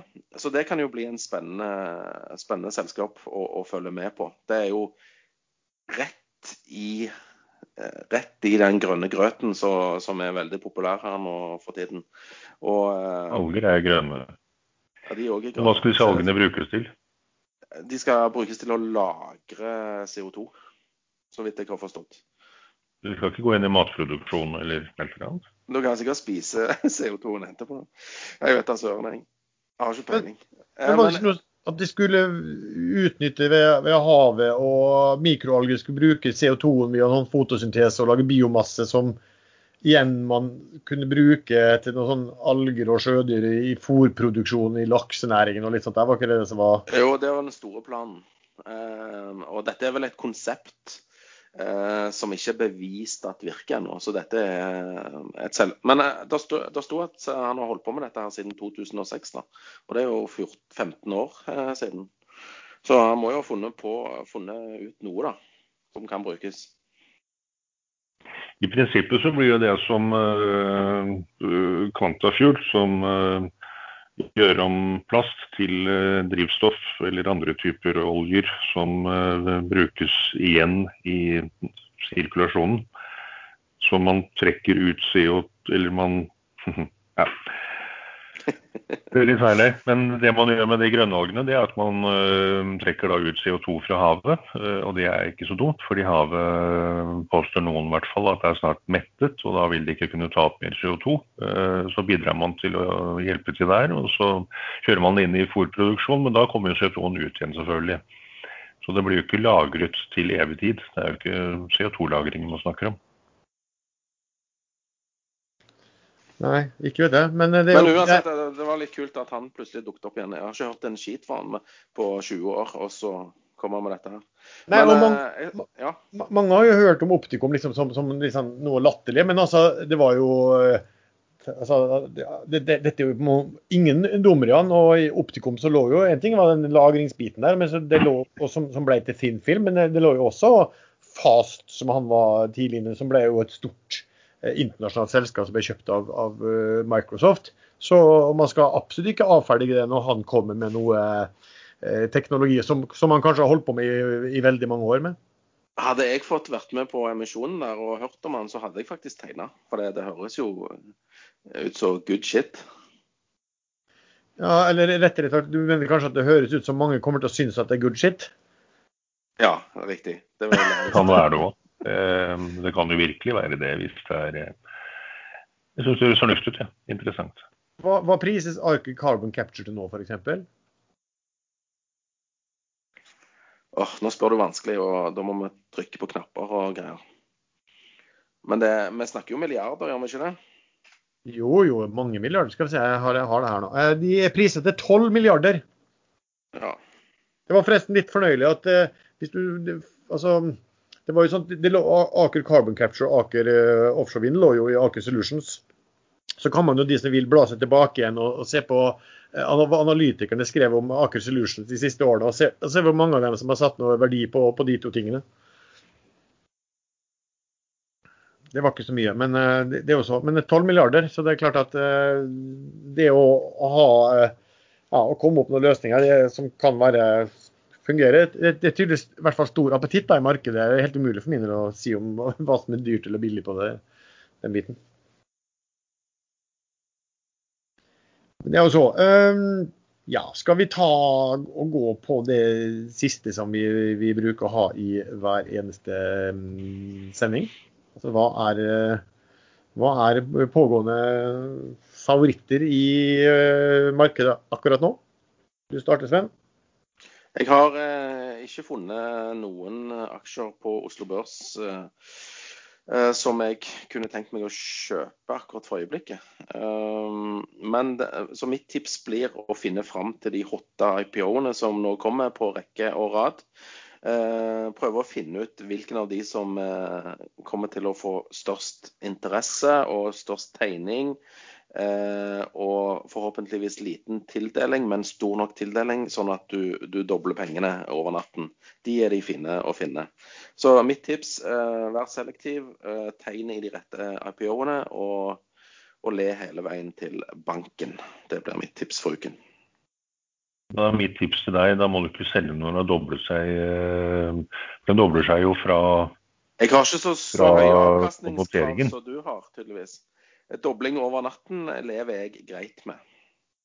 Vi må ta med en dobling til i løpet av en uke. Og se på AEC og AOV. Det. De gikk jo begge tigangeren etter at de doblet seg. om cirka. Grovt regnet. Litt, litt overdrevet. litt overdrevet. Du tenker fra emisjonskurs? Femgangeren eh, gjorde i hvert fall det. Ja, men eh, fra en emisjon som du ikke fikk aksjer i fordi at du ikke kjente de rette folkene. Og så kom den på børs, og da var den doblet, og derifra har det gått fem ganger. Sånn cirka. Ja, det er sant. Det, altså. det, det er jo faktisk ja, er godt, uh, godt sett, det. fordi at det, man stusset jo. Den åpna så voldsomt opp i forhold til prisingen i emisjonen. Og så har den jo bare fortsatt å dundre på. Så, uh, så det, det, er mye, det, det er mye man har vært inni som har gått veldig mye, mye i etterkant, for å si det sånn. Men du Erlend, hva har du for favoritter? Jo, jeg har gjort noe jeg aldri har gjort før, som jeg egentlig syns var litt tullete da de uh, aksjene kom på markedet. Det er to apper. Det ene er Playmagnus, og det andre er uh, Skitude. Eh, Playmagnus er jo Magnus Carlsson sjakkapp. Uh, ble vel regnet hjem på noen multipler i IPO-en som de fleste lo godt av. og så falt kursen også fra rundt 25 kroner i IPO-kurs til halvparten, men derifra har den nå plutselig gått tregangeren. Um, og så har jeg sett litt mer på appen og um, har for så vidt lastet ned uten å bry meg om det, eller uten å gjøre noe mer med det. Men de rundt, hadde rundt 35 000 betalende um, brukere i november. Hva de har nå, aner jeg ikke. Men sjakkmarkedet er jo gigantisk. Og det er noen andre jeg kjenner som har sett på appen som sier at den er faktisk eh, veldig intelligent laget. Det er veldig lett å få folk til å bruke penger på den. Og Magnus Carlsson har jo satt i gang disse eh, turneringene som går på nett nå og følges av eh, hundrevis av millioner eh, tilskuere. Eh, Sjakk er jo eh, absolutt verdens desidert største idrett når man ser på antall som følger det. Nå er definert som en idrett. Men eh, og hvis, den, hvis de får doble brukerantallet, eller eh, plutselig får 100 millioner brukere, så, så er det jo det er ikke noe grense for hvor høyt en sånn aksje kan gå i kurs. Så der, eh, jeg tror nedsiden er relativt godt beskyttet. Den er bare litt over IPO-kurs. 50% sånn, mye mindre. 8 kroner over nå. Så 30 over IPO-kurs. Og der kan man vel bruke Spetalens uttrykk om Nell, at den kan gå til 50 kroner eller 100 kroner eller uendelig. Det er helt umulig å si. Men de vil også, det er sånn typisk koronaprofitør. Eh, Folk er mer hjemme. Da bruker man mer sånne apper. Eh, Så man ser hvor lenge det varer.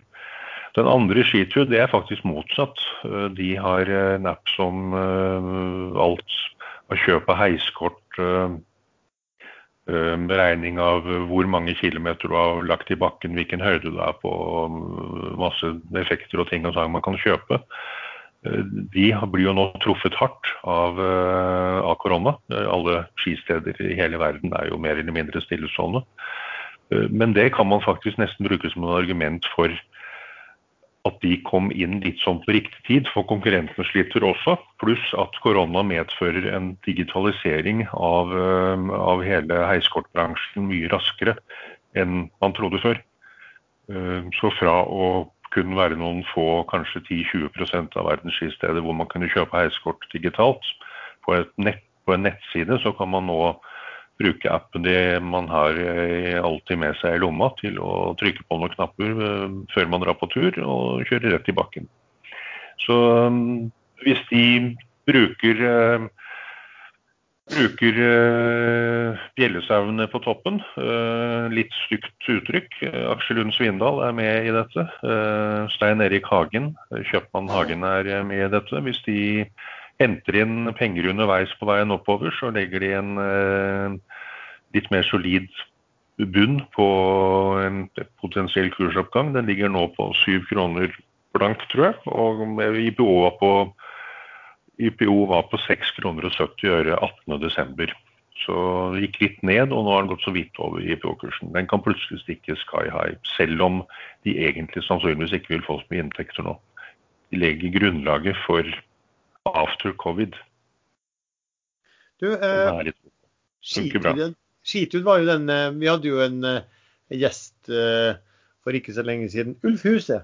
Eh, og Han snakket jo da om skitud og hadde satt seg skikkelig inn i den. Han hadde satt seg godt inn i den at alle andre ble skremt for å stille opp i, i aksjesladder for å fortelle om sin, sin, sin favoritt. Men, det også, men jeg så bare på skitud så kom vel da Arctic med en analyse i går, var det vel, på 14. Eh, men de var, de, de var vel tilrettelegger. Og, og så så jeg vel, Men jeg vet ikke om det betyr noe. Det er vel, Sven, det er vel du med greie på. Jeg så samtidig at det var vel sånn at var det i går at den stabiliseringsperioden eh, gikk ut. Så du på noe om de hadde Ja. gjort noe? Nei, jeg så ikke om de hadde gjort noe. Aksjen ligger rundt syv og har ligget der eh, i ukevis, føler jeg. Ja, har det. Play Magnus, forresten. Fra 18. desember, sånn pluss-minus syv nede, nede på seg. Jeg tror, tror ikke den har vært på femtallet. Men, men der er det jo veldig mange som har bindingstid. Eh, storeierne som da solgte seg til dels ned i IPO-en, eh, ble kritisert for det. De har jo bindingstid i seks eller tolv måneder.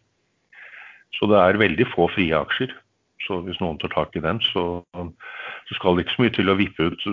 De som selger nå, det vil jeg tro er de som gikk inn i IPO og håpet på en rask dobling, som ikke fikk den, og nå um, vil gå videre i andre ting som dobler seg. Det er jo flust av sånne case på børsen nå. Play Magnus er jo altså Vi snakka jo om det reaksjonære, og de har lagd en sånn der søsterside også. Det, for min del virka det litt spekulativt. for Jeg tror den heter et eller annet Tigangeren, eller sånt, der de snakket om selskap som kunne gå, gå Tigangeren. Og, og når de da pøste ut noe sånt, så var det masse tyskere som kjøpte. Og det gjorde de jo før eh, altså Play Magnus ble faktisk tatt, eh, nevnt der da på den nettsida, og det var vel i eh, da tror jeg Det var i desember en gang, når kursen lå lå den på rundt under 20 da. Og den har jo da gått veldig kraftig opp. Og så ble dette her tatt opp av Finansavisen for eh, noen dager siden. eh, At de hadde gjort det. Men når jeg ser bare, bare sånn liten ting der, jeg ser i hvert fall eh, fra aksjonærlisten nå, det vi handler da til og med tirsdag, så ser jeg da at når kursen kom, begynte å komme eh, høyt opp der, så var det Clearstream som solgte. Eh, Så man skal jo bare være obs på at det er en del tyskere der som har gått i, eh, godt i forkant, men, om, da, men da var jo kursen oppe i, oppe i 40 kroner også, så de har solgt på det. Eh, det vet jeg ikke. Men, men mye, i hvert fall starten på oppgangen kom, eh, kom derifra. Ble Magnus øh, var vel nede i litt vanskelig å se her i DNB sin dårlige nettløsning, men rundt 30 kroner på ledelsen er den på 33, og den IPO var på rundt 25. Så volumet har økt veldig i det siste. Eh, Det pleier å være et godt tegn. Den eh, fikk seg en smell etter IPO, falt ned, har hentet seg inn igjen og har nå en voldsom volum- volumøkning. Det blir bra. Min eh, Ja, nå skal jeg ikke snakke om Oslo Børs. Jeg skal snakke om happy, det jeg kaller for Happy Yahoo Day, som er min short i Tesla. Basert på eh, Det er jo en dag som heter Happy Bitcoin Day, og da døpte jeg den for en stund siden. Så skrev jeg faktisk også om det at eh, 21. eh, januar da skulle jeg gå inn og kjøpe og, og shorte Tesla. Det som sagt, shorter omtrent aldri. og og, og, og i hvert fall aldri gjort det i Tesla, eh, heldigvis. Um, årsaken er vel som sådan. Den har jo gått veggimellom, men det kan den jo fortsette å gjøre, gudene vet. Det, det var bare det jeg så for en stund siden, og det var en som skrev om um, litt sammenlignet eh, Tesla med Yahoo. Og de som husker Yahoo, var jo at Yahoo var jo virkelig det store under dotcom-hypen. Og eh, litt sånn likearta, den, den gikk på børs, kursen gikk voldsomt oppover så ble den tatt inn i eh, SMP 500. Og det var vel sånn at det var, et, det var omtrent akkurat en måned etter at eh, Yahoo hadde kommet inn i SMP 500. Og når de kommer inn der, så er det jo mange fond som automatisk kjøper og kursen bare går videre. Så eh, etter en måned så begynte den å ramle, og da bare fortsatte den å ramle i, i, til evig tid, omtrent. Eh, og da var det sånn at eh, i, i går var jo da, siden det ja, tatt fra Yahoo-ideen, så det, kalte jeg det for Happy Yahoo Day i går. Uh, og da var det Tesla vært akkurat hadde vært en måned eller samme antall dager i, i SMP eh, 500. Så da eh, tenkte jeg skulle sjekke om den eh, tesen, eh, lille, lille, lille, rare ideen på å treffe en eh, topp der, eh, fungerer. Sannsynligvis ikke. Den ligger vel ja, ligger jo fint i eh, solide pluss eh, fortsatt, men, eh, men det er kort tid og det har litt med størrelsen å gjøre. Det skal, skal ikke så mye til å få et solid pluss, men eh, da skal det heller ikke så mye til for å få en eh, eh, solid eh, minus. Så jeg har jo selvfølgelig stopplås eh, på den også. Det er ikke noe sånn man skal sitte og slåss mot markedet i Tesla akkurat. Men eh, vi får se. Får vi se om, om, om eh, den eh, rare, rare tendensen der, eller Yahoo- Yahoo-biten der, om det, om det gjentas på Tesla. Men har, fant du på dette sjøl? Eh, ja, og, og, ta posisjonen. Ja, ja. Men, det, altså, men, det, var jo en som skrev om eh, Som kjørte en liten sånn sammenligning. altså at nå, nå kommer Tesla på, på, børs. og bare så skrev Han husker da hva som skjedde den gangen eh, Yahoo kom på børs. Da tok det så og så lang tid. Ja, altså Man kommer inn i indeksen, altså man kommer inn i, i SMP 500. Eh, man, må, man, må, begynne å vekte seg opp, eh, og det kanskje tar en eh, tid. Og så kanskje det begynner å, å ebbe litt ut, da, muligens. Så det er bare en hunch ut ifra at det samme vil gjelde der. og, og, og nå, I forskjell til da så er det jo nå veldig veldig mye store indeksfond. Så, så, trenden for at de har måttet vekte seg opp, er jo mye sterkere nå enn hva det var for den gangen. Akkurat. Nå ser jeg akkurat eh, Hegnar kom, eller eh, Finansavisen kom med Norwegian-prosess forlenget med én måned. Men jeg klarer ikke å få opp artikkelen. Hvis det er vedtatt, så blir det, så blir det et vakuumoppgang på den. ja, logisk. Jeg, jeg, liker den ikke helt på 60-tallet, da jeg gjorde penger på den nå sist. Det var begge gangene under 50, men ja, den gikk rett opp. Den gikk fra Men liker du den på 70-tallet, da? For der, der, var han nå nettopp. Ja, det er sånn midt imellom. Det, jeg tror at den kan tredes vakuum eh, fra under 50 og oppover mot 100, men når den ligger på 70, så kan det gå begge veier. Det skal ikke så veldig mye til før noen klarer å overbevise smaksjonærene om at eh, dette faktisk er idioti. Så jeg tror nok ikke jeg kommer til å ta det nå. Tredje traden pleier ofte å funke veldig dårlig også. Så man skal ikke, man skal ikke løpe etter alt. Jeg må bare nevne at Bergen Bio rykker stadig nærmere en avgjørelse på om eh, både om Femcentinib eh, funker mot eh, covid, og også potensiell fase 3 i to kreftstudier. Og det skal veldig mye til at den ikke går til fase 3 i begge. De har gitt gode resultater, og da pleier man også å gå videre med det. Og da kan det plutselig komme en partnermelding i Bergen Bio, og da, da kan vi begynne å nærme oss kanskje tresifret kurs fra nå 33-34 kroner, kanskje.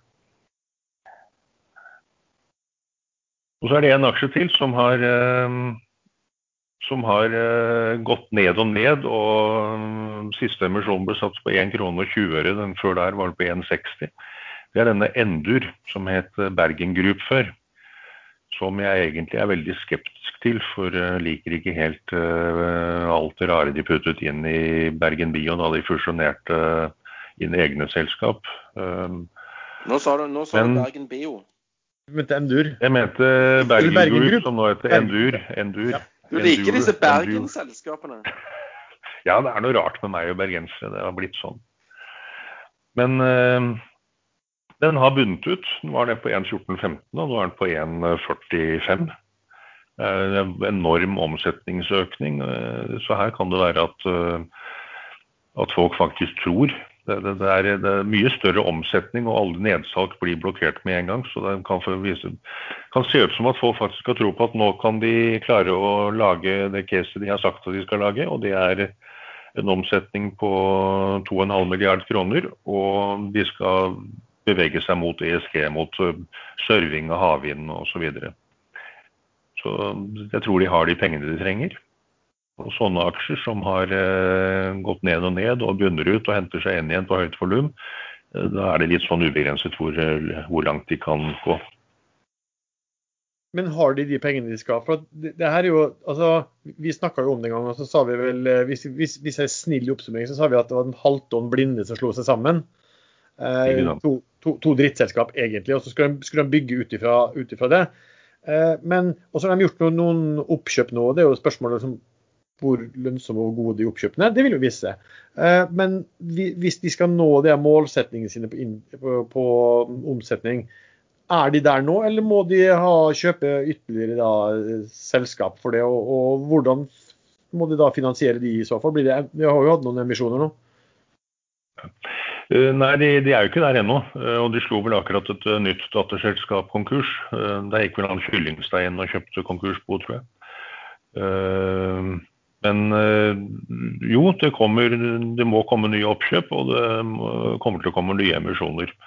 Men hvis de har klart å snu trenden fra nedover til oppover og klarer å sette emisjoner på stigende kurs, så, så kan sånn bli veldig bra. Men jeg er veldig skeptisk, og jeg, jeg er litt rusten på, på Endur. Jeg har ikke lest alle detaljene, så han på watchlisten.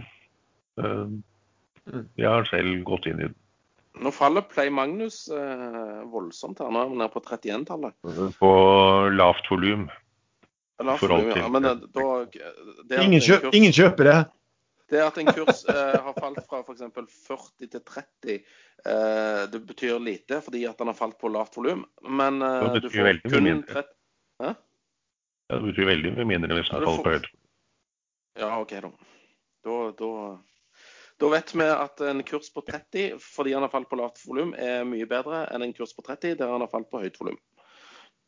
Det er ikke så mange vilje, det er, det er, jo helt klart at det er ikke så mange villige kjøpere akkurat nå. Eh, men aksjer som har gått høyt, den var jo oppe i 41 kroner, sånn cirka. Eh, at de korrigerer ned er helt vanlig. Korrigerer, ja, ja, ja. korrigerer ja, 50 av oppgangen. Jeg bare så at han bevegde seg ned med en stor fart Nei, kjøpsanledning, som vi kaller det, vi Jalla-tredere. Ja, men Play Magnus er jo ikke noe, jo ikke noe sånn typisk Jalla over det. Nei, ikke det.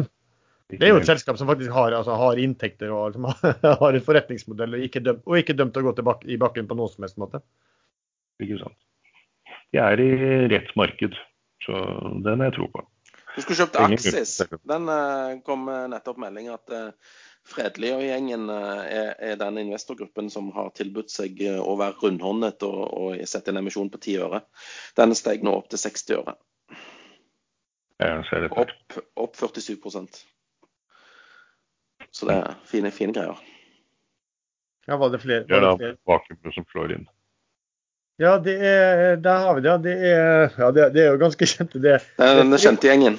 Fredelig, Austbø, eh, Sneve, Middelborg og Skorstad.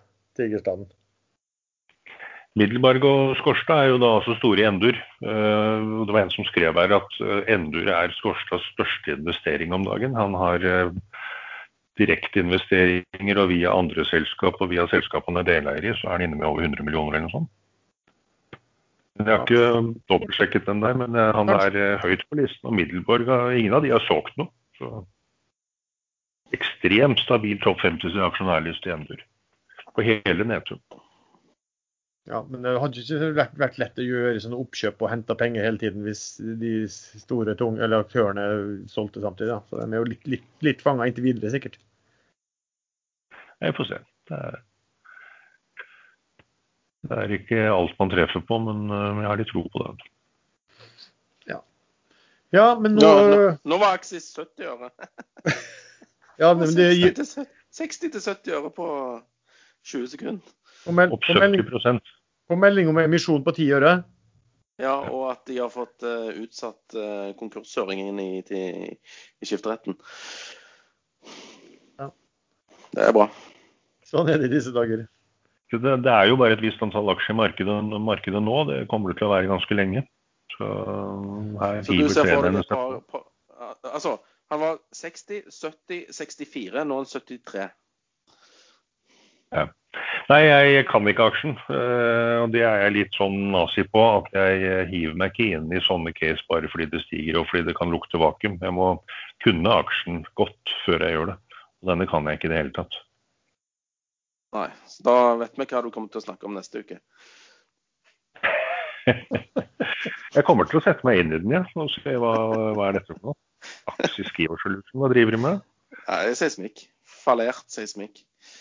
Ja, det er det selskapet der, ja. ja.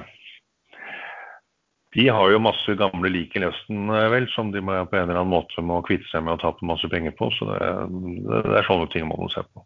Jeg tenkte du skulle si nå at er masse like lasten og fallert selskap. Så tenkte jeg jo mer fallert, jo bedre for vakuumtrening. vakuumtrading. Ja, ja, selvfølgelig. Det kan det, faktisk det være det. Da sier vi takk for eh, denne gang. Eh, håper dere som lytter til, eh, finner dette både nyttig og eller underholdende. Dere kan følge oss og ta diskusjonen med oss inne på Ekstrainvestor sin chat. Hvis du går til www.ekstrainvestor.com, så finner du chatten. Um, og du kan også finne oss inne på Facebook. Der har vi en egen gruppe som heter podkasten Aksjesladder. Der du kan komme med synspunkter og hva, hva vi bør snakke om. og ja, spørre oss om ting hvis det vil være ønskelig. Musikken er som vanlig laget av sjazz.com. sjast.com. Takk igjen for at du lytter, og så høres vi forhåpentligvis om en uke.